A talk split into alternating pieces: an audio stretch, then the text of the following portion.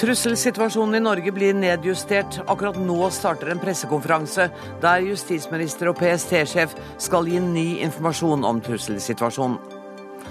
FNs sikkerhetsråd har nettopp avsluttet sitt hastemøte der situasjonen i Gaza var tema. Generalsekretær Ban Ki-moon har fordømt israelsk bombing av FN-skoler. Norges sanksjoner mot Russland kan ødelegge 30 års handelssamarbeid, frykter næringen i nord. Dette kan ikke stanse oss fra å reagere mot Russlands krigføring, sier UD.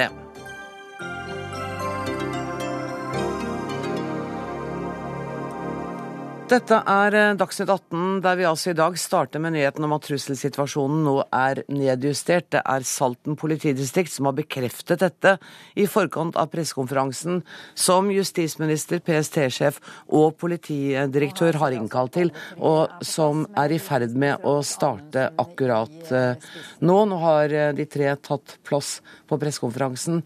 Og vi venter bare nå på at justisministeren skal ta ordet når fotografene er ferdig med å ta sine innledende bilder. Vi vil da i eh, første omgang få tre korte innledninger her fra justis- og beredskapsministeren, fra PST-sjefen og fra politidirektøren. Deretter så åpner vi for spørsmål fra salen, og så vil det til slutt bli anledning til én-til-én-intervjuer. Eh, og med det så gir jeg først ordet til justis- og beredskapsminister Anders Anundsen.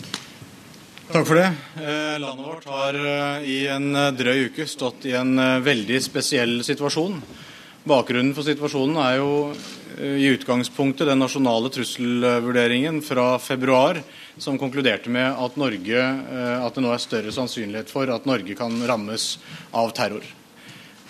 På torsdag sto vi her, eller satt vi her, og sa at det forelå en konkret trussel mot Norge. Eh, og siden da er det gjort en eh, enorm innsats fra eh, PST og E-tjenesten og politiet for å avklare den situasjonen vi befant oss i. Det har vært gjort en kjempegod jobb, både på ledernivå og fra alle de som har gjort jobben ute, som har vært svært viktig. Og vi er eh, allerede i gang med å gjennomgå hendelsen og sette i gang evalueringen som vi varslet for eh, to dager siden. I dag foreligger det ny og langt mer gledelig informasjon enn eh, sist gang vi var samlet her. Og Derfor gir jeg nå ordet til sjef PST, Benedicte Bjørnland. Takk for det.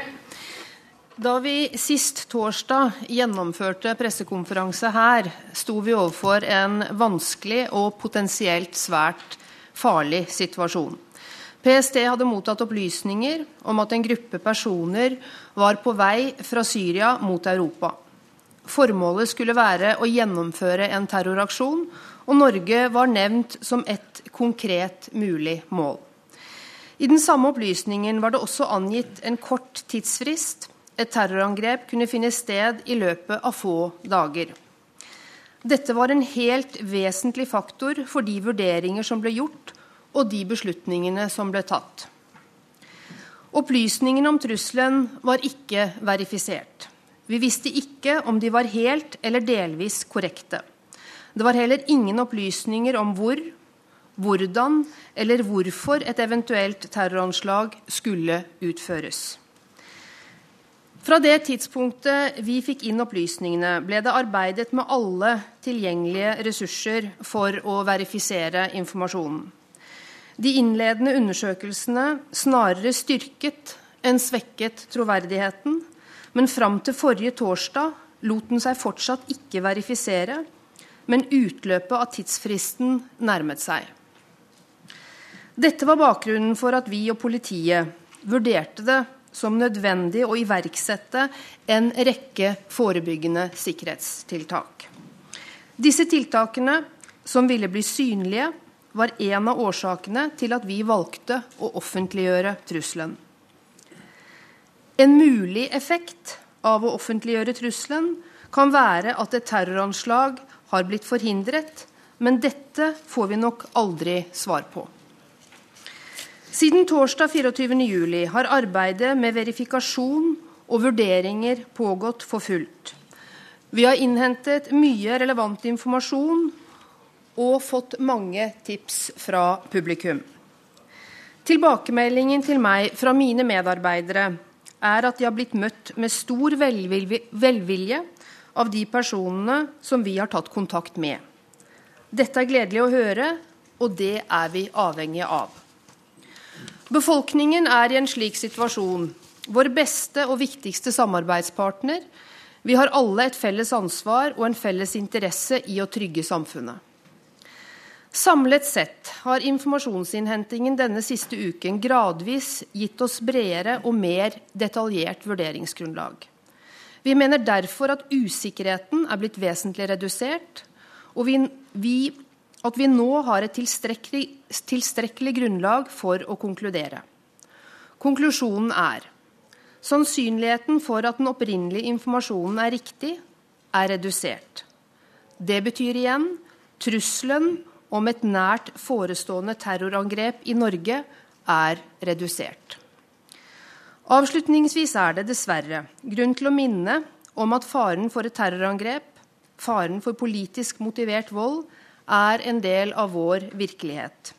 Det norske, åpne, demokratiske samfunnet vårt er sårbart, og selv om den aktuelle trusselen er tonet ned, står vi overfor en betydelig restrisiko.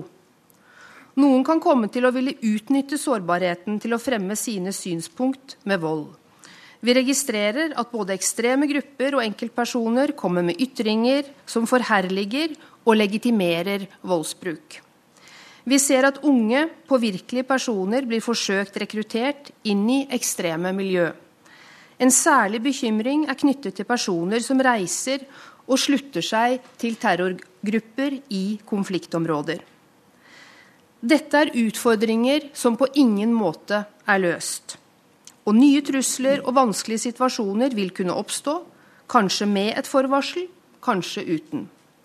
Men vi må alle være forberedt på at nye trusselsituasjoner kan oppstå. Det er ikke en unntakstilstand, det er normalsituasjonen. Takk for oppmerksomheten. Ja, og på bakgrunn av den nye trusselvurderingen til eh, PST, så har eh, vi eh, nå fortsatt arbeidet med å ta ned de beredskapstiltakene vi har hatt de siste dagene, eh, til et nivå som er i tråd med den trusselvurderingen som PST kom med i februar i år. På bakgrunn av den eh, trusselvurderingen vi fikk for eh, en drøy uke siden, så var det åpenbart for politiet at vi måtte iverksette beredskapstiltak. De mest synlige tiltakene det var mer informert og bevæpnet politi. Og min vurdering, vår vurdering er at det var umulig å ikke informere eh, samfunnet om det. Og vi opplever at folk flest har tatt dette med fatning. Og dessuten så har vi mottatt mange verdifulle tips. Vi vil jo eh, også i fortsettelsen til enhver tid forholde oss til den gjeldende trusselvurderingen fra PST. Vi er eh, forberedt på, eh, gitt det PST-sjefen eh, har sagt tidligere, og senest nå nettopp, forberedt på at lignende trusler blir fremsatt på nytt, og at vi må iverksette nye, om ikke helt like, tiltak i fremtiden. Vi ser at arbeidet denne gangen med å sette politiet på en høyere beredskapsfot har gått bra. Vi har gjennom daglige rapporteringer og telefonmøter med politidistrikt og særorgan eh, opplevd at politiet har fått til dette. Det er ikke meldt om noen store vanskeligheter, og operasjonsordren fra Politidirektoratet er fulgt godt opp i distriktene. Det har vært lett å få politifolk til å stå på, komme tilbake fra ferie og holde ut i en god del eh, dager. Vi ser på et vis nå effekten av det arbeidet som er gjort de siste årene for å styrke politiets beredskap. Eh, vi må nok kunne si at det vi nå gjør, også er et uttrykk for en høyere risikoerkjennelse i politiet, en bedre gjennomføringsevne. Og vi har erfart at samhandlingen internt i eh, politikonsernet er god. Jeg vil også understreke eh, det helt nødvendige samarbeidet vi har hatt og vil fortsette å ha med Forsvaret. De har stilt helt avgjørende bistandsressurser til rådighet. Bistandsanmodningene har vært innvilget raskt. Vi har fått tilstrekkelige ressurser for å håndtere det vi har forberedt oss på. Og eh, det er stilt fullmakter eh, til rådighet for å ta raske beslutninger. Dette har fungert bedre enn noen gang tidligere. Så er det jo slik at dette har vært et ganske vesentlig ressurspådrag for politiet. Det er det ingen tvil om. Eh, vi har satt på mye ressurser. Det fins ikke noe fasitsvar på hva som er helt riktig. Det har vært gjort grundige vurderinger både sentralt, også i Politidirektoratet, og i det enkelte politidistrikt hva som har vært nødvendig. Eh, vi vet ikke hva det har kostet. Vi vet at vi har gjort eh, foreløpig en god jobb. Vi er allerede i gang med å forberede evaluering eh, i henhold til vårt eh, kriseplanverk. Og Der skal vi lete både etter foredlingsområder, altså ting som har gått bra og som skal implementeres videre, og også selvfølgelig finne noen læringspunkter, naturligvis. Takk. Ja, da åpner vi da åpnes det for spørsmål på pressekonferansen, men vi eh, holder oss tilbake her i eh, Dagsnytt 18-studio. Kollega Lars Nehru Sand følger pressekonferansen, og vi skal snakke med ham litt seinere. Men først Fridtjof Jacobsen, politisk kommentator i VG. Fikk du vite det du håpet på nå? Jeg vet ikke hva jeg håpet på, men det vi fikk vite, var jo at den eh, trusselen som utløste hele denne skjerpede beredskapen eh, for en uke siden, eh, viste seg da tydeligvis å ikke stemme. Det var det Benedicte Bjørndalen, PST-sjefen, sa nå, at når de hadde ettergått den en ukes tid, så viste det seg at, eh, at den eh, sannsynligvis ikke var riktig. Eh, altså Det å drive med etterretningsarbeid som de driver med, er jo eh, Noen har sammenlignet det i teorien med, med en slags sånn vitenskap, at du har en hypotese. Mm. Hadde man en hypotese om at eh, Norge kunne bli angrepet av terrorangrep veldig snart, så sjekker man det mot data. Eh, og så blir hypotesen styrket eller svekket. Og nå etter en ukes tid så har den blitt så svekket at de, at de da ikke regner med at den er sannsynlig lenger. ikke sant? Og da drar man jo ned også alle bevæpnede politifolk, og det blir vanlige tilstander her igjen. Og vi har ikke fått vite noe mer om hvem som har kommet med denne trusselen, hva den gjaldt, eller omfanget. Er det, tror du, fordi at PST heller ikke vet? Nei, altså eh, Det hun sa nå, var jo at eh, man hadde fått opplysninger, eh, sannsynligvis kanskje, fra en annet lands etterretningstjeneste som kunne tyde på at det eksisterte en trussel. Altså at det var noen ting som hadde skjedd. Noen skulle være på vei et sted, noen hadde uttrykt noen planer, Norge var nevnt, som til sammen Dette er ganske flyktig informasjon som er plukket opp kanskje litt her og der av noen kilder, litt på noe kommunikasjon og avlytting, sånne ting. Og til sammen så gir det en slags inntrykk at her kan det være noe muffens. Eh, eller noe som er farlig. Eh, men, men, når de nå har sjekket etter, så viser det seg vel at kanskje det aldri har eksistert noen trussel. Kanskje det ikke var noen gruppe på vei til Norge. Kanskje man rett og slett har sett og fått noen små biter av virkeligheten, og så viser det seg at eh, det var ikke helt sånn som man, det kunne se ut til. Det har vel skjedd de fleste av oss i det sivile liv, at ikke ting er helt sånn som vi trodde det var. Men dette er et ganske godt eksempel på, på, hvordan sånn etterretningsaktivitet, som jo, eh, når man syns noe ser farlig nok ut, kan altså utløse store kostnader, bevæpning av politiet, sette et samfunn i beredskap. Det er en ganske upresis vitenskap.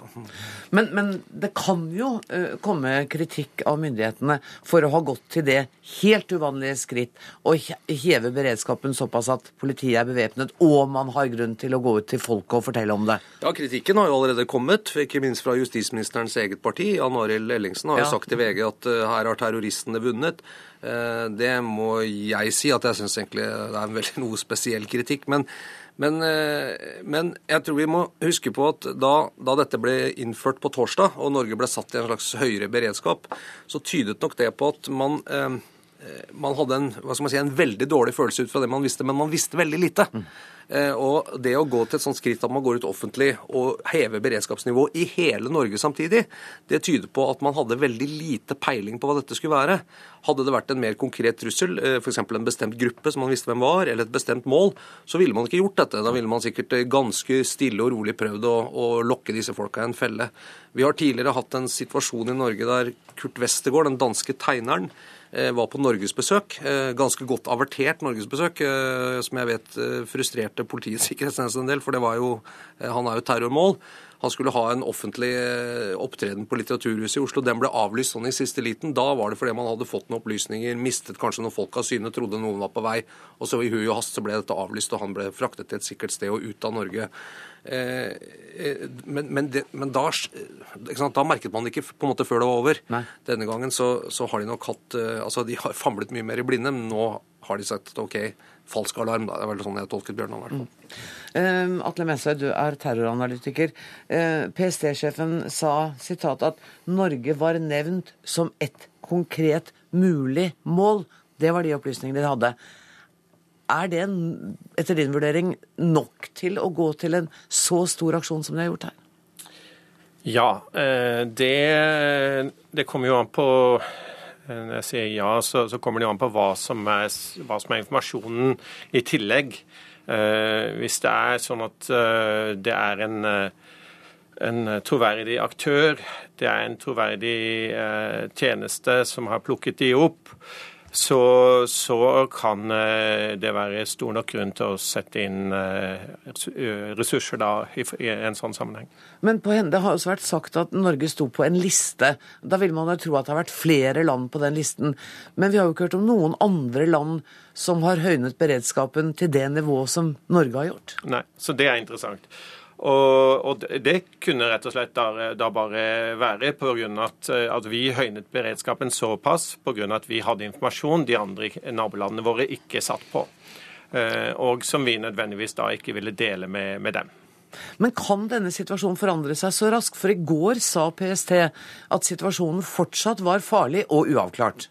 Mm. I dag er den sterkt redusert. Ja det, det, er et stort puslespill som eh, alle de i PST og etterretningstjenestene da jobber med.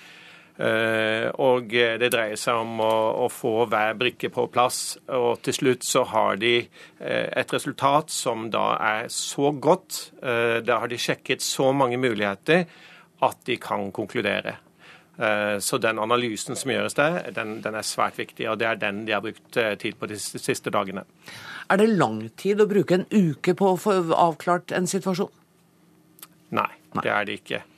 Ikke når, ikke når, det er eh, Det er kanskje snakk om, som, eh, som eh, Jacobsen sa her, det er snakk om noen små biter som man plukker ut mm. opp. Så skal man sette det sammen. Man skal da bruke den rådataen og sette det sammen. Man skal se på kildene. Man skal få tak i veldig mange personer som kanskje kan være med å belyse dette.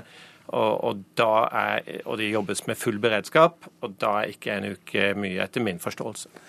Fridtjof Jacobsen, nå kan vi liksom senke skuldrene litt, men samtidig så er både justisminister og PST-sjef helt klare på at dette kan komme til å skje igjen. Altså, Trusselen kommer til å være mye mer en del av vår hverdag. Er det sannsynlig at vi ser tilsvarende høynet beredskap i nær framtid? Ja, det, det, det, kan det være. Eh, men altså, Trusselnivået mener jo PST i hvert fall er, er, noe høyere. og Jeg tror vi bare må erkjenne at det å leve i, i Vesten i dag, eh, det er å leve med en slags overhengende, grunnleggende terrortrussel. Eh, som er der hele tiden. Eh, vi har jo fått demonstrert det også i Norge på 22.07. at eh, vi hadde en terrortrussel som vi ikke ante eksisterte, eh, og som rammet oss på en forferdelig måte. Så, så, det tror jeg at befolkningen i Norge, og det tror jeg mange i Norge har bare tatt det inn over seg. Altså, det, er, det er noen farer det er med å leve i et samfunn som enkelte krefter gjerne vil ødelegge.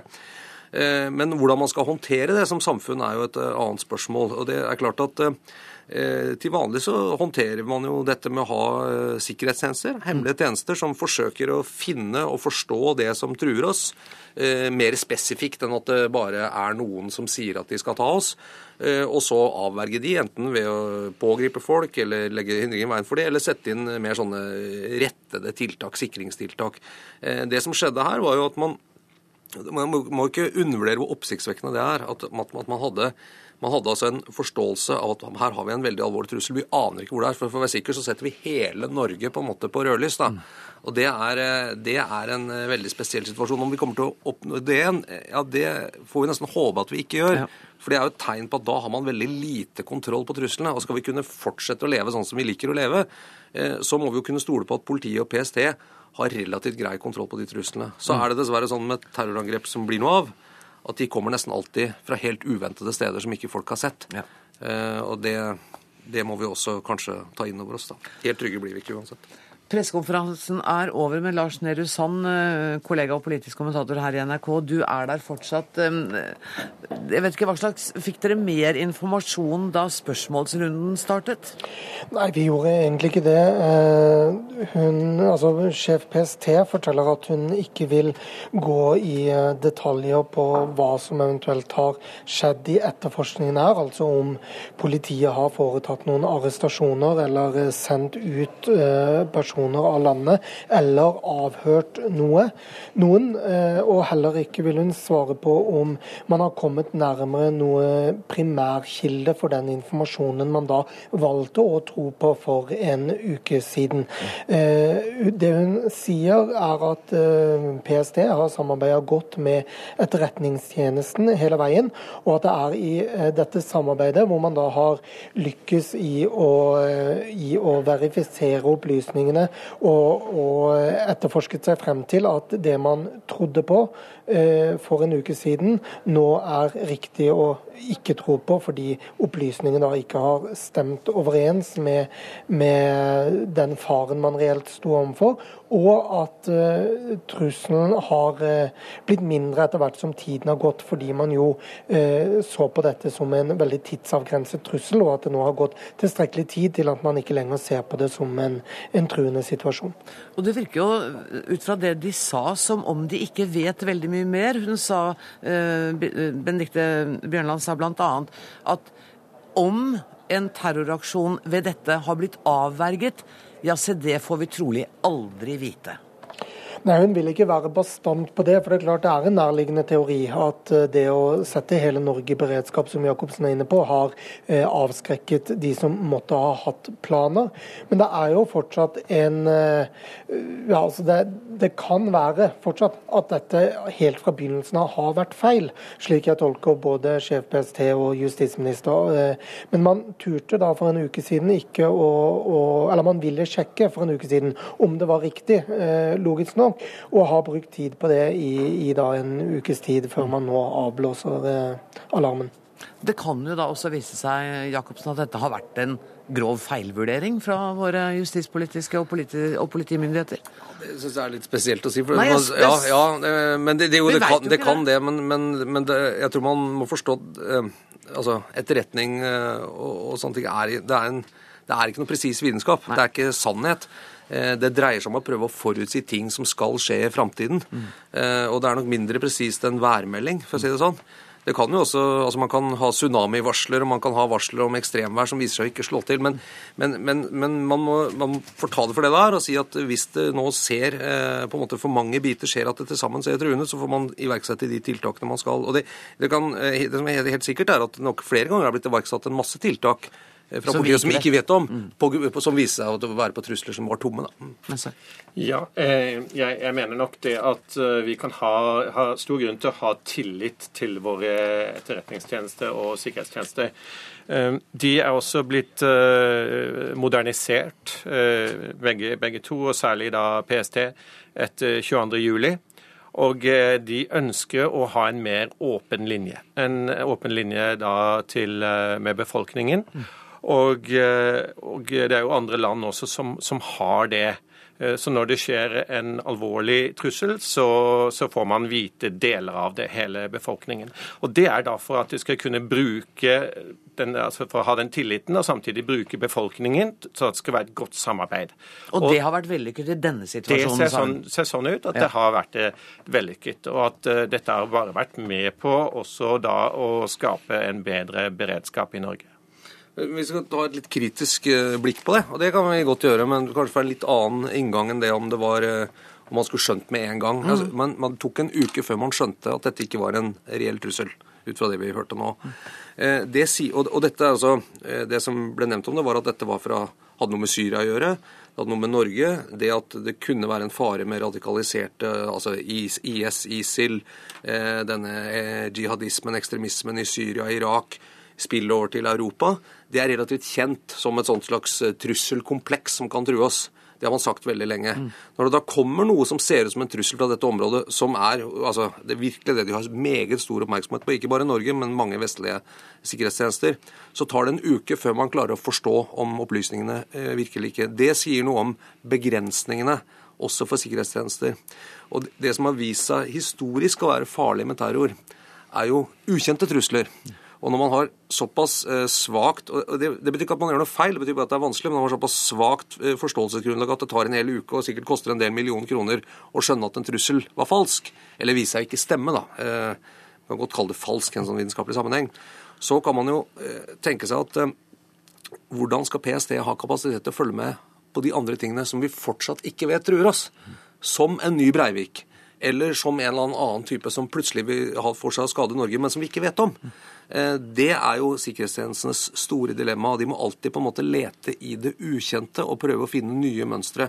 Og håndtere en slags sånn kjent sikkerhetstrussel eh, trussel eller sikkerhetsrisiko, det er ikke så vanskelig. Det skal man klare å avverge. Altså Nynazister, voldelige nynazister, radikale islamister, alt mulig skal man ha relativt god kontroll på. Eh, men det viser seg altså at selv en kjent trussel er det vanskelig å ha kontroll på for PST, og også for andre lands eh, tjenester. Så dette er komplisert. Men så tror du at vi, kan, eh, at vi kommer til å få ta del i den evalueringen som nå allerede er i gang, når den blir ferdig? Jeg tror vi kommer til å få vite deler. Men eh, vi kommer ikke til å få vite eh, nøyaktig hva som, som skjedde. Jeg kommer aldri til å få vite det. Og, eh, men, men jeg regner med at det kommer til å få vite såpass mye at, at, vi, at vi, blir tilfreds med, med, det, med å stole på, på tjenestene våre. Og tilliten tilsier at vi i hvert fall i dag nå kan vi senke skuldrene litt, for det er, eh, trusselnivået er eh, senket og ned til slik det var før forrige torsdag. Tusen takk til Fridtjof Jacobsen og til Atle Mesø. Takk også til Lars Nehru Sand, som var med oss fra pressekonferansen. Dagsnytt 18 alle hverdager klokka 18.00 på NRK P2 og NRK2.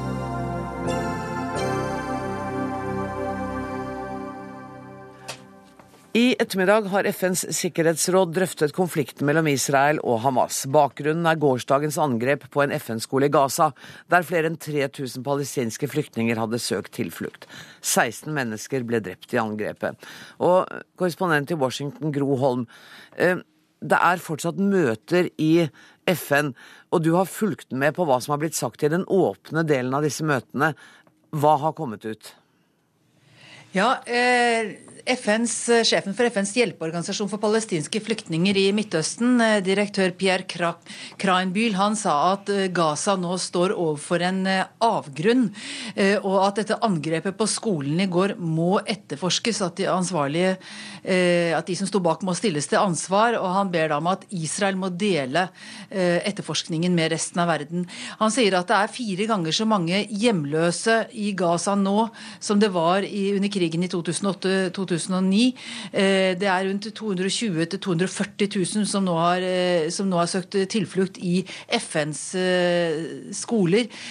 Bare det, pluss et par hundre tusen andre som også er internt fordrevne. Han sier at blokaden må oppheves, at det er en, en forferdelig kritisk situasjon. Og FNs visegeneralsekretær for humanitære spørsmål, Valeri Amos, bidro også til å tegne et dramatisk bilde. 9000 hjem er ødelagt, 24 medisinske institusjoner. Her trengs det eh, både humanitær hjelp og eh, mer penger, sa hun. Og hun har vel nærmest slått fast at dette er brudd på folkeretten? Ja, det er en annen som har gjort det. Beklager, det er hun som sitter for uh, sjefen for Menneskerettighetskommisjonen ja. i, og, og det, i Europa sitter hun. Så, så det er en, annen, en, en, litt annen skål. Men det, i dag handler møtet først og fremst om den humanitære situasjonen. Og eh, som det ble nevnt, så er da nå er møtet lukket. Eh, etter at de to hadde innledet, så ble møtet lukket. Og, og, da skal selvfølgelig da Israel, både Israels representant og Palestinas representant i FN snakke. Pluss eh, alle de faste medlemmene, helt sikkert. Og dette er ikke et møte hvor man kan vente at det kommer en resolusjon, eller? Nei, ingen resolusjon. Altså, man kommer fram til en presidentuttalelse som er svakere enn en resolusjon. Det er ikke bindende, det var natt til mandag. Eh, og selv den forhandlet man om veldig lenge for å få til. Eh, blant annet så måtte man da droppe en formulering som Jordan hadde foreslått om at de som angrep FNs skoler, som jo blir brukt som flyktningmottak nå, at de må stilles til ansvar. Nå ser vi at det kravet kommer opp igjen fra han som sitter faktisk med ansvaret for hjelpeorganisasjonen for palestinske flyktninger og er i Gaza nå. Men det er altså ikke sånn at FN har samlet seg bak et slikt krav. Det er kontroversielt, og her er det jo da, eh, slik som så mange ganger tidligere, slik som over 40 ganger tidligere, eh, USA som, eh, som sier nei, eh, fordi eh, Israel ikke ønsker det. Hvis du har mulighet, Gro, så heng med oss litt til, for jeg vil også snakke med Bård Glad Pedersen, som er statssekretær i Utenriksdepartementet. Statssekretær, hva er Utenriksdepartementets reaksjon på bombingen av FN-skolen? Ja, vi har eh, fordømt eh, det. Eh, det er totalt uakseptabelt. og Vi ser jo nå enorme humanitære lidelser i Gaza. Det er ca. 1400 personer som er drept. Et flertall av dem er sivile. Ca. 250 barn. Det er snart en halv million internt fordrevet i Gaza. Dette er helt uakseptabelt. Store humanitære lidelser. og Det er derfor det er så nødvendig at vi får en stopp på krigshandlingen nå, og at man får en varig våpenhvile. Hvilken rolle kan etter Norges mening USA spille her? Altså, eh, Utenriksminister Kerrys forsøk på diplomati har jo ikke vært vellykket. Kan USA være den avgjørende eh, påvirkningen i denne konflikten, sånn som du ser det nå? Utenriksminister Kerry hadde jo et prisverdig initiativ, vil jeg si, der han gjorde et helhjertet forsøk på fredsforhandlinger. Eh, de stranda eh, tidligere i vår. Vi støtter de fredsforhandlingene fordi vi vet at alternativet til en politisk prosess for å få en varig fred, er det vi ser eh, nå. For å få til en våpenhvile så er det jo først og fremst eh, partene som må eh, akseptere det. Men det er mange aktører som må spille en rolle. Det er også USA, og Egypt spiller en nøkkelrolle i regionen.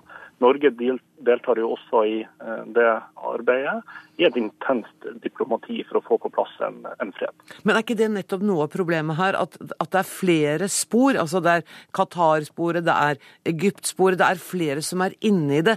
Og, og partene er mer eller mindre velvillig innstilt overfor de ulike landene. Er ikke det noe av det som problematiserer hele prosessen? Ja, En del av det som vi kan bidra med, er at vi har en konstruktiv dialog med de ulike aktørene, sånn at vi kan bidra til en samordning av uh, ulike initiativer. Uh, Egypt har tatt en uh, lederrolle. Det er viktig at man støtter opp om den prosessen. Og så må man ha et budskap til både Israel om at angrepene må stoppe, vi må få en slutt på krigshandling, få en våpenhvile, og til Hamas Eh, om at eh, rakettangrepene vilkårlig inn i eh, Israel må, må stoppe, og bruk av sivile som skjold er uakseptabel. Gro Holm, hvor høyt oppe står denne konflikten nå på dagsorden i USA? Ja, Den står veldig høyt på dagsordenen. Det er hovedsaken i, eh, av, av, utenrikspolitiske saker ved siden av Ukraina i alle medier. Eh, det er klart at eh, Kerry forsøkte veldig hardt før helgen å få til en våpenhvile, men det strandet bl.a. på at Israel sa nei, fordi Kerry ville at Israel skulle slutte altså i den en ukes våpenhvile, skulle la være å ødelegge tunneler i løpet av den uka. Det var et kategorisk krav fra Hamas, og det ville ikke Israel gå med på. Og Hamas på sin side vil jo ikke høre på Egypt, så Kerry har jo også forsøkt å gå via Qatar og Tyrkia, hvilket Israel liker veldig dårlig, Egypt liker veldig dårlig. Og, og, resultatet av det hele vet vi jo, det ble ingen våpenhvile. Ikke engang en ukes humanitær våpenhvile. Så det ser ganske mørkt ut. Men som Glad Pedersen var inne på, USAs utenriksminister har forsøkt både å få til den lange freden og den kortsiktige humanitære våpenhvilen. Eh, er du enig Borgla Pedersen, i at det akkurat nå ser ekstremt mørkt ut? Ja, det, det, gjør det. Men de humanitære lidelsene som vi ser nå, gjør at arbeidet må fortsette. Utenriksministeren har det siste døgnet vært i kontakt både med den palestinske visestatsministeren og med Tony Blair, som er kvartettens utsending, og er i dialog med de ulike aktørene for å bidra. Vi har også varsla at eh, når en våpenhvile kommer på plass, så vil vi ta initiativ til en giverlandskonferanse for å få Palestina på fote igjen, og at det kan også bidra til en politisk prosess som vi, vi trenger. De lidelsene som vi ser, må, må stoppe, og da må vi bidra til det. Tusen takk skal dere ha, korrespondent Gro Holm og statssekretær Bård Glad Pedersen. Marte Heian Engdahl, du er forsker ved Universitetet i Oslo med Midtøsten som spesialfelt. Eh, nå har statsminister Netanyahu sagt at det blir ikke aktuelt å stanse bombingen før alle disse tunnelene eh, som eh, finnes i Gaza, er fjernet. Kan, altså, er dette realistisk å få til? Eh, det kan nok være realistisk hvis man har eh, veldig masse tid og politisk vilje til å stå lenge i Gaza, men da tror jeg man snakker om en mye mer omfattende operasjon enn nå. Da snakker man om mange måneder antageligvis, og med masse og en, det som vil ligne mer på en reokkupering av eh, Gazastripa. Og jeg tror egentlig ikke at Netanyahu er så interessert i det. Men det som han står overfor, er jo på en måte en parallellpress mot det som Gro Holm skisserer skisseres som det økende internasjonale presset. Mm. Det Internasjonalt så presser man på for å få en stopp og en våpenhvile. Og internt i Israel så presses det på fra dem til høyre for Netanyahu mot å øke og eskalere enda mer og gå videre inn. Men er det et rimelig krav til Israel at de skal iverksette en ensidig våpenhvile når de blir utsatt for raketter fra Hamas hele tiden? Det er klart det er uholdbart for eh, Israel å godta at det regner raketter ned over eh, dem i sør. Men vi skal også ha med oss at det har jo endra seg. Dette har jo vært en krig som har endra strategi eh, underveis. Først så var det for å hindre rakettene. Man gikk inn for å ta våpenarsenal og posisjoner som Hamas har, og sånn, så Hamas sin infrastruktur, som de kaller det. Og så har det etter hvert blitt mer og mer fokus på tunnelene. og etter, hvert, etter det igjen økt eh, press på at man skal demilitarisere hele Hamas. Eh, og det er klart at eh, på, på, en sånn måte, Hvis man ser det i et, det lengre perspektivet da, og et steg tilbake, så er det ikke helt godt å si hva som egentlig er det strategiske målet. Mm. Hvor er det Netanyahu skal ta det her, og hva er exit-strategien? Det er det veldig vanskelig å se. Det er vanskelig å se, og det er vanskelig egentlig å, å kunne tolke all retorikken heller. Fordi tunnelene er jo ikke noe som er blitt bygget nå i løpet av den siste uka. Altså, dette har jo eksistert lenge. Eh, og så virker det som om Israel prøver å gi inntrykk av at dette er et nytt fenomen, men det er det da ikke. De har, det viser seg nå at de har, IDF, altså det israelske hæren, har visst om de her tunnelene i en, eh, i en ganske lang periode. Det har vært graving, og beboerne sør i Israel har meldt om at har vært, de har hørt lyden av spade i jorda og under husene sine og i hagene sine. ikke sant? Det må vi, kan vi bare se for oss det må være, føles ganske dramatisk og truende. Mm. Men eh, jeg tror eh, at eh, vi må det, at det er en trussel for Israel, det er helt åpenbart. Men det, hvordan man skal at man skal samtidig få greie å fortsette med det uten at uh, palestinerne i Gaza skal få noe At det skal bli bedre der, det er jo det som er Der står jo partene steilt, og da er det foreløpig Selv om uh, Gro Holm rapporterer om at det er øverst på den utenrikspolitiske dagsorden, så sier ikke det så veldig mye, egentlig. For det er en president som har veldig mye trøbbel på hjemmebane, og som ikke har noe politisk kapital å bruke på Israel-Palestina. Og han har heller ikke noe politisk å vinne på å gå inn i den betente konflikten, kanskje? Nei, jeg tror at eh, Obama jeg er helt sikker på at han som meg og deg og alle andre som sitter og ser på de grusomme bildene som kommer ut fra Gaza, syns at det her er forferdelig mm. og vil at det skal stoppe eh, med en gang. Men uh, han er, det er en president som i Representantenes hus i går ble stemt for å saksøke presidenten. Det er klart at det vitner om et ganske Eh, frynsatt forhold han har, både på hjemmebane og i det større politiske spillet der. Og han er jo en president som også, må vi huske på, representerer et parti der det er masse folk som skal ha gjenvalg i Kongressen mm. i høst. og det han, både han og Kerry de, jo, de kan ville så mye de vil. og ønske det, men de er også bundet av mange føringer som ligger i amerikansk utenrikspolitikk. Deler du eh, jeg holdt på å si, den pessimismen som både Gro Holm og Bård Glad Pedersen ga uttrykk for når det gjaldt når vi kan vente at det skal bli slutt på lidelsene i eh, Gaza? Ja, dessverre så ser det ut som at eh, dem som lider minst av det her, altså Israel og Hamas, har eh, ikke ennå er krigstrøtt, noen av dem. Og at de har viser stor vilje til å fortsette både til å angripe og til å utsette eh, sin egen sivilbefolkning for de her eh, voldsomme angrepene. Så for meg ser det veldig mørkt ut. Tusen takk skal du ha, Marte Heian Engdahl.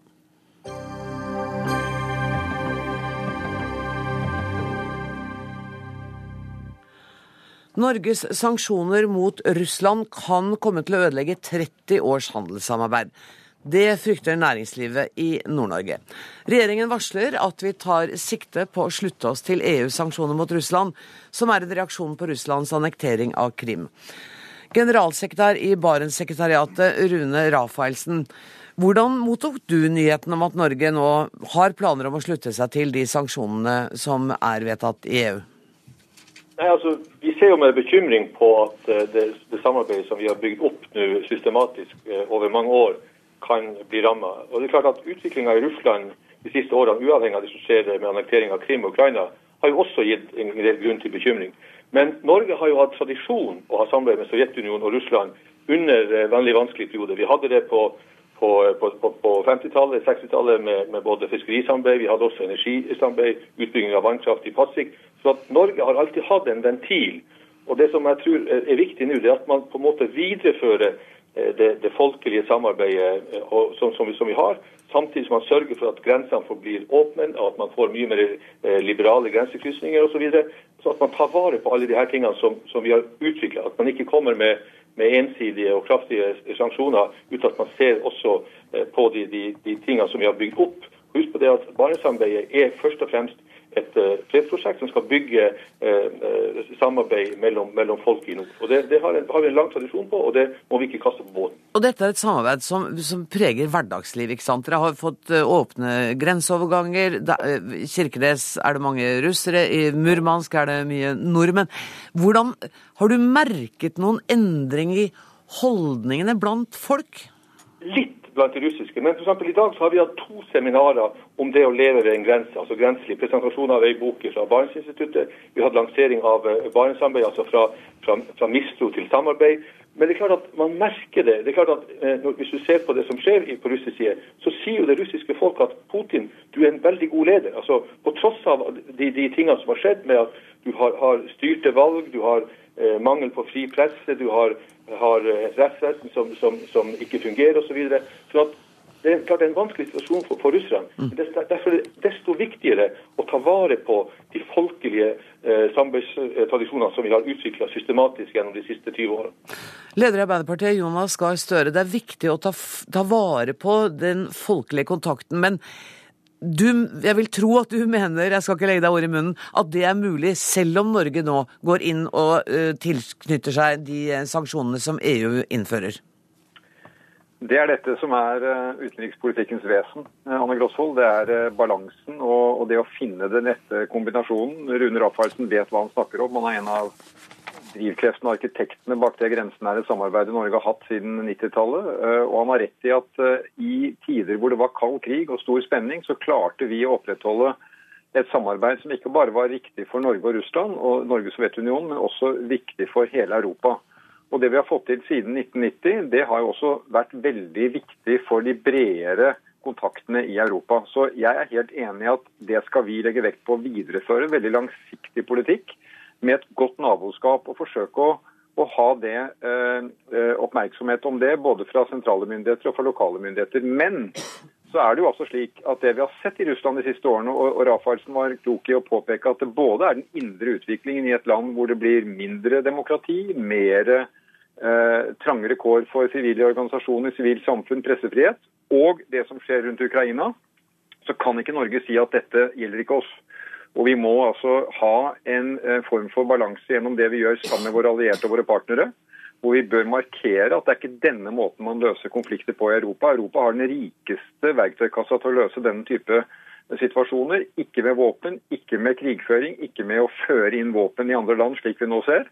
Eh, og Da må vi finne en reaksjon. og, og Vi kommer til å lytte til utenriksministeren når han kommer til Stortinget. Eh, han har valgt en riktig fremgangsmåte etter min mening. Han har sagt at vi tar sikte på å være på linje med våre allierte og partnere, men han vil drøfte det med Stortinget.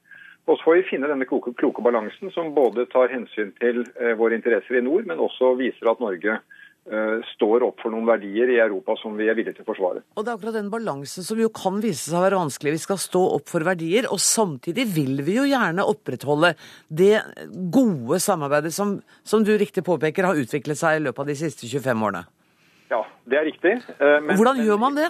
Nei, altså det har vi da klart tidligere. Husk tilbake igjen til eh, 60-, 70-, 80-årene da kald krig raste. Så var det en stor radar kan du si, av utenrikspolitisk spenning. Eh, Det var opprustning i Europa. Allikevel klarte vi å ha et fornuftig samarbeid over en grense i nord.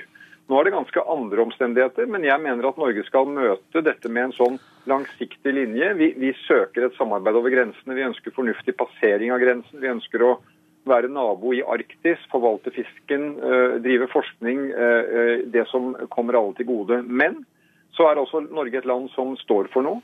Vi er et naboland, et lite naboland til en stor nasjon som altså ikke viker unna å bruke makt, brutal, rå makt, overfor politiske problemer som oppstår, som ikke alle er Russlands feil, vil jeg understreke. Men, men det er en type atferd som jeg mener det må reageres på. Men så er det jo ikke helt sikkert at de vedtakene de treffer i EU 100% er de vi skal lande på. Vi er ikke medlem av EU, men vi har tradisjon for at vi står på samme hovedspor som våre partnere og allierte. og Det tror jeg eh, som grunnprinsipp at det er klokt at vi fortsetter med.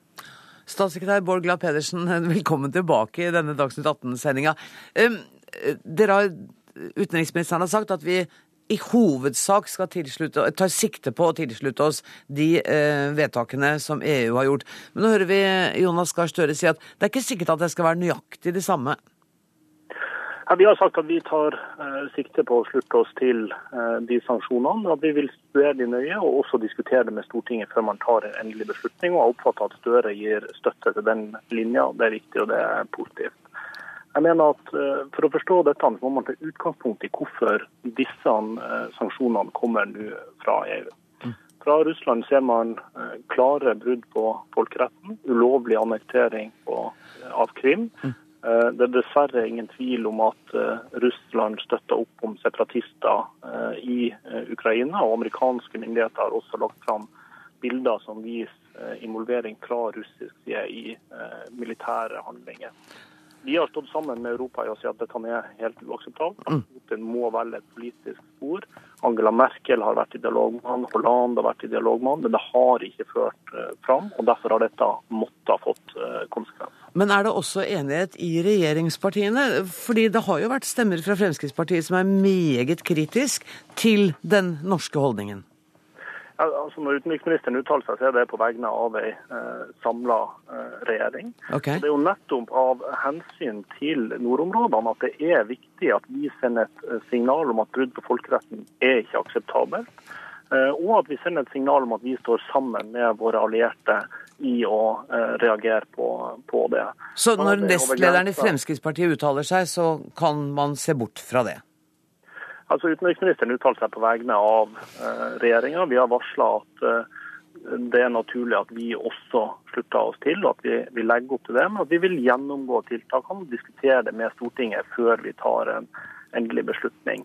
Jeg mener at eh, samarbeidet over grensa i nord har tjent Norge, har tjent også eh, Russland. Det bidrar til avspenning, det bidrar til å skape forståelse. Det er nødvendig, og det kan videreføres. Men vi må også stå sammen i å reagere på de klare folkerettsbruddene vi har sett, ikke minst av hensyn til nordområdene. Ok, Jonas Gahr Støre. Nei, jeg, jeg har bare lyst på å nevne, fordi eh, jeg har hatt dialog med utenriksministeren på dette, og vi, vi, vi har det som er i Norge en, en- en god slik samtale mellom posisjon og opposisjon. Men det spesielle er det du er inne på, programleder, i denne saken og den forrige saken. At det andre regjeringspartiet, Fremskrittspartiet, har en nestleder og utenrikspolitiske talspersoner som snakker utenriksministeren stikk imot, rett imot. Eh, eh, Per Sandberg mener at utenriksministeren mangler integritet og er kritisk på en lang rekke områder. Så kan vi eh, stole på Glad Pedersen som sier at utenriksministeren snakker for hele regjeringen, men det er en spesiell situasjon at det bare vedvarer, og at ikke Fremskrittspartiet selv avklarer det. For Dette er en regjering med to partier, og når vi har to stemmer, så svekker det den stemmen som utenriksministeren har, og det er uheldig i denne situasjonen.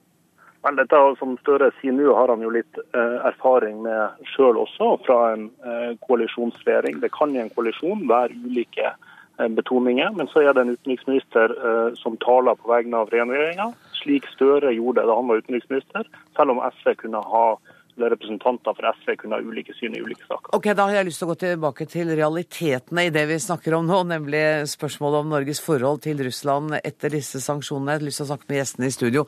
Seniorforsker ved Fridtjof Nansen-institutt, Lars Rove. Du er ekspert på norsk-russisk samarbeid.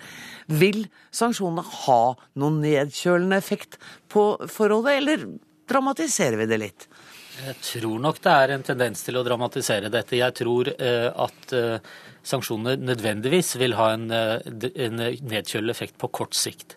Eh, det er en sanksjonsnatur. Den, den, den, er jo ment å kjøle ned forholdet. Eh, det er i seg selv helt åpenbart og ikke særlig oppsiktsvekkende. Jeg tror og jeg forstår også godt Rune Rafaelsens bekymring, men jeg, jeg tror nok han bekymrer seg litt unødig. Eh, fordi dette vil på lang sikt kunne bare eh, rett og slett Altså det vil ikke ha noen eh, ødeleggende effekt på det norsk-russiske bilaterale forholdet på lang sikt. Men for det er jo ikke bare Rafaelsen. Jeg så i Dagens Næringsliv i dag at lederen for Kimek, dette mekaniske verkstedet i mm. Kirkenes, mm. Mm. også er bekymret for arbeidsplasser og oppdrag. Du mener det også er en overdreven angst? Nei, altså i, jeg, sto jeg i hans sko, så ville jeg også vært bekymret. Det er jo mm. klart det. Dette er jo, utgjør jo en stor del av Kimeks virksomhet virksomhet, og, og, den er rettet mot Russland i stor grad. Det er klart det er bekymringsfullt for han å se dette her. Jeg merket meg også i den samme artikkel at, at sanksjonene ikke har hatt noen innvirkning på hans, eller Kimeks eh, virksomhet så langt. Uh, og det er, jo, det er, jo, interessant i seg selv. Men uh, igjen, uh, dette vil på lang sikt ikke skade det russisk-norske forholdet i særlig grad. vi må huske på at Norge ikke ruver i den russiske utenrikspolitiske debatten. Norge er et bitte lite land. Russland er et veldig stort land. Jeg tror at Russland og USA vil ha problemer med å komme tilbake på et riktig spor. Etter både denne hendelsen og det som har skjedd før. Mm. Der har vi problemer. Eh, kommentator i Dagens Næringsliv, Kjetil Widsvang. Eh, I dag oppsummerer du din kommentar med setningen utenriksminister Brende kan få langt et langt mer turbulent år enn han hadde ønsket seg. Eh, frykter du at forholdet Er du da uenig med Roe og, og frykter at forholdet til Russland kan bli anstrengt på mer permanent basis? Det er veldig, veldig vanskelig å si. Altså, du har Per i dag så strømmer du ut uh, kommentarer og analyser fra tungvektere internasjonalt. Noen mener at dette går over. Andre ser for seg at dette er et fundamentalt skifte etter 25 år med relativt stabile forhold. At Russland orienterer seg østover mot Kina, at de har gitt opp liksom Europa som det store prosjektet, og at vi vil få et surere uh, forhold framover. Men vi vet ikke. At det er helt håpløst å si. Det kan hende at uh, Ukraina vinner denne krigen, som de nå er utgangspunktet for det hele. Det slår ned opprørerne. Og Da er liksom problemet borte. Ja, Men samtidig, eh, i dag så tok jeg fram igjen den stortingsmeldingen om nordområdene som den forrige regjeringen la fram i 2011. Eh, og da var jo tilsynelatende alt veldig bra. Men selv der forutså regjeringen, eller sa i hvert fall at forholdet til Russland er turbulent på en del områder. Det er uforutsigbart, og det er vanskelig på noen områder. Man forutså jo ikke denne krigen. Så man har jo klart tidligere å manøvrere i dette vanskelige farvannet, Widsvang. Jo, men så har det kommet da et så fundamentalt skifte for et par uker siden, da dette malaysiske flyet ble skutt ned. Det liksom, det, inntil da Det kom en artikkel i Independent i går om at, at uh, Angela Merkel og russerne var i ferd med å finne en slags sånn avtale med at man skulle godta at eh, de, uh, de tok Krimhalvøya, og så skulle man få stabilisert forholdene ellers. Så faller dette fly, ned. Og Det er liksom der grensen går. Du skyter ikke ned sivile uh, fly. Og at da er endringen i Europa slått helt om og sier at dette går ikke, dette kan vi ikke, dette kan vi ikke fortsette med. Og du da har en helt annen innstilling som vi ikke vet hvilken vei kommer til å ende. Det er klart det har skjedd et skifte. Mm. Eh, Med at, den fly... Eh, nei, jeg vil jo si at skiftet skjedde da Vladimir, eller da russerne tok Krim. Eh, det, det, det, og e, egentlig har jo dette skiftet bygget seg opp over mange år. Og for de som har ønsket å høre det, så har jeg villet fortelle det. Det er mange som, som, som, som har fått høre fra meg i hvert fall at Russland er et høyrisikoland når det gjelder vestlige investeringer. Dette vet vi. Sånn at dette har bygd seg over mange år. er i, i for seg eh, nest, ikke forventet, fordi det var så dramatisk, det som skjedde. Og, og det er jo helt riktig som sies, det som sies her, at, at uh, Russland kan meget vel gå østover i sine, og, og knytte seg nærmere til f.eks. Kina. Klart det. Mm. Det har vel Men det Putin antydet også, har han ikke det da? Ja, ja, for all del. Ja. Men det er, ikke, det er ikke sanksjonenes skyld. Nei, hva, hva skyldes det da? Det skyldes eh, at den russiske staten og den, det russiske regimet av i dag er langt mer komfortabel med andre regimer som ligner på det selv. Altså, vi Ja, Bidsvang, vær så god. Jo, men altså, det vil jo da også endre vårt forhold til Russland, Vestens forhold til Russland. Også, og, også, også det altså, Du kan si at vi hadde et eh, behagelig, relativt sivilisert forhold til Sovjetunionen under den kalde krigen, også i det høye nord. Men det er klart, den ambisjonen Jonas Gahr Støre ba på nord nordområdestrategien, var et ganske mye tettere og nærmere samarbeid enn det rimelig siviliserte forholdet vi hadde under den kalde krigen. Hvis vi er tilbake der, så har vi noe helt annet enn eh, enn det vi har nå, og det som er ambisjonen for både den forrige og den regjeringen. Er vi, har Jonas Gahr Støre kontakt med han ennå? Ja, vi har lyst til å eh, spørre deg. Eh, den, det var jo en optimisme da du, både da dere kom med stortingsmeldingen, da delelinjeforhandlingene var et faktum, da man hadde felles eh, fiske, fiskeriforvaltning. Har, har vi vært litt naive? Nei, jeg syns det er tvert imot. Jeg syns Norge i forhold til Russland har vist at vi har en kompetanse her som ikke er naivitet. Den er veldig langsiktig, og den er forutsigbar. Og det er en linje som går ut på å høste de mulighetene som er når de kommer. Uh, Russland hadde krig med Georgia i 2008 og sluttførte en meget avansert delelinjeavtale med oss i 2010. Det er fordi at naboskapspolitikken til Russland varierer med naboer. Og Norge har visst å hegne om sitt naboskapsforhold. Men vi har også levet i mange år med stillstand og lite bevegelse. Jeg må innrømme at i 2006-2007 så innstilte jeg meg på at delelinjeforhandlingene kunne fortsette å trekke ut i tid. Og så kom det en bevegelse som vi klarte å utnytte, og vi skapet eh, en dynamikk rundt det. Og så fikk vi eh, sikret den delelinjen. Og sånn er det på også andre områder. Grenseboerbevis, åpninger i nord. Og sånn må Norge fortsette. Altså Russland er et land, vi må huske på det, som går gjennom en voldsom eh, forandring. Etter 1990, 70 år med kommunisme, før det tsarveldet. Det er noen store krefter på spill. slik at det er en stor endring, og vi vet ikke hvor Russland er når endringen sluttføres. Det vi vet, er at vi er nabo. Og vi har grense, og vi har hav, og vi har felles fiskeriinteresser. Og det må vi på mange måter ta vare på. Og jeg mener at vi har klart det med stor innsikt. Med, jeg berømmer berømme det, veldig dyktige fagfolk både i forskning og i departement, diplomati. Etter hvert også i næringsliv. Og de, det mener vi må holde fast med, den pragmatismen. Men så står vi for noe. For Norge er ikke bevegelse. Vi er et demokrati. Vi har verdier for hvordan vi løser problemer med naboer. Og når naboland krenker det, så må også vi ha kraft til å si ifra, samtidig som vi forvalter dette naboskapet. Akkurat der er du også helt på linje med dagens utenriksminister. Vidsvang, du ba om ordet til dette. Ja, et av de problemene vi vil ha fremover, eller som vi allerede har hatt, det er jo at man har forskjellige strategier i Europa hvordan man skal forholde seg til Russland nå. Både regjeringen og opposisjonen har sagt at vi skal følge EU, men det har jo vært splittet. Det har vært klin umulig å få ut av både regimet i UD i dag og eh, det forrige, hva de faktisk mener om vi bør følge Italia, være snill, eller om vi bør følge Storbritannia og være hardere i eh, klypa mot dem. Det er et problem vi kan leve med, kommer til å leve med fremover også, fordi vi da den forrige kalde krigen ble utkjempet med Nato. Der var vi med. Her er, vi, her er det EU som kjemper, og her står vi på utsiden. Men her er vi jo eh, ved kjernen nå, nemlig at Norge har sagt at vi tar sikte på å slutte oss til de sanksjonene som EU nå har vedtatt. Ja, vi vi rævdilter. Vi gjør det de sier, men, de, men regjeringen som da vil ha en offensiv europapolitikk, vil ikke si i forkant hva de mente. Eh, Jeg tenkte tenkt å gi det siste ordet til Bård Glad Pedersen jeg nå, statssekretær. Du får 20 sekunder igjen. Det er det som er igjen av sendinga. Takk. Selv om vi eh, ikke er medlemmer i EU, så er vi jo i tett dialog med EU om dette, om håndteringa, fordi at vi har interesse av det, og fordi at eh, vi eh, berøres av dette. eh, og vi har interesse av en samla respons. Tusen takk skal dere ha. Takk til Rune Rafaelsen, Bård Glad Pedersen, Jonas Gahr Støre, Lars Rove og Kjetil Widsvang. Denne Dagsnytt 18-sendinga er slutt. Ansvarlig i dag har vært Andrea Kvamme Hagen. Det tekniske ansvaret har Erik Sandbråten. Jeg heter Anne Grosvold, og hovedsaken i dag var altså at myndighetene har eh, sagt at nå er trusselsituasjonen nedgradert og til det normale i Norge. Takk for nå.